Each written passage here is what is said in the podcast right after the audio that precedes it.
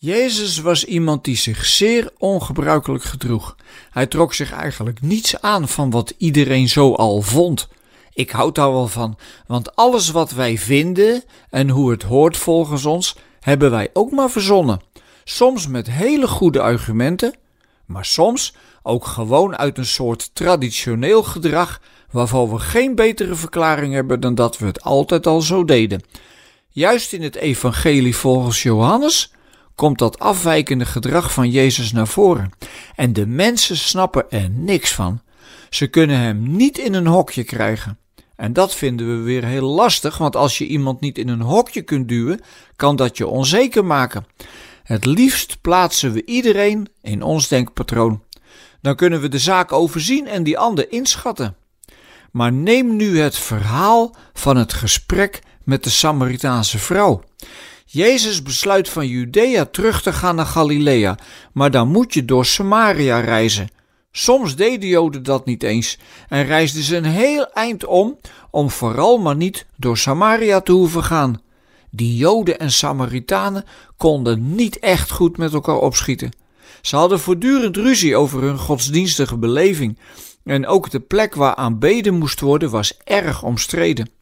Dat komt allemaal terug aan dat gesprek. Wat nu sowieso al ongebruikelijk is van Jezus, is dat hij in gesprek gaat met een vrouw. Dat deed je in die tijd gewoon niet. Je ging niet zomaar met een wildvreemde vrouw zitten praten. Daar zouden ze al snel iets van gaan denken. Maar Jezus doet dat gewoon.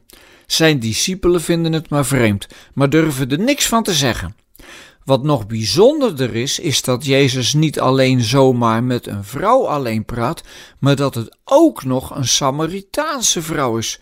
Dat is dus dubbel op ongebruikelijk. Joden praten niet met Samaritanen. Laat staan dat een Joodse man in gesprek gaat met een Samaritaanse vrouw.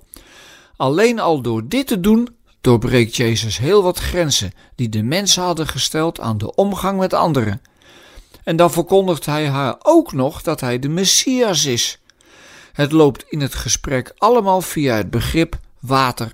Hij zit aan een oude bron die de Jacobsbron wordt genoemd en hij vraagt als nakomeling van Jacob om water. De vrouw begrijpt er niks van. Maar Jezus vertelt al snel dat het om levend water gaat en dat het water dat hij geeft zo heilzaam is dat als je daarvan drinkt je nooit meer dorst krijgt.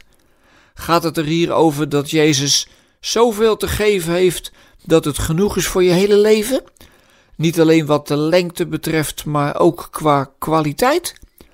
Water van leven geeft toch de indruk dat je leven daardoor tot je bestemming komt. En voor Jezus maakt het niet uit wie je bent. Geweldig dat hij in dit verhaal de vrouw al 100% serieus neemt. We hadden dit gedeelte de eeuwen door misschien wat vaker uh, moeten lezen.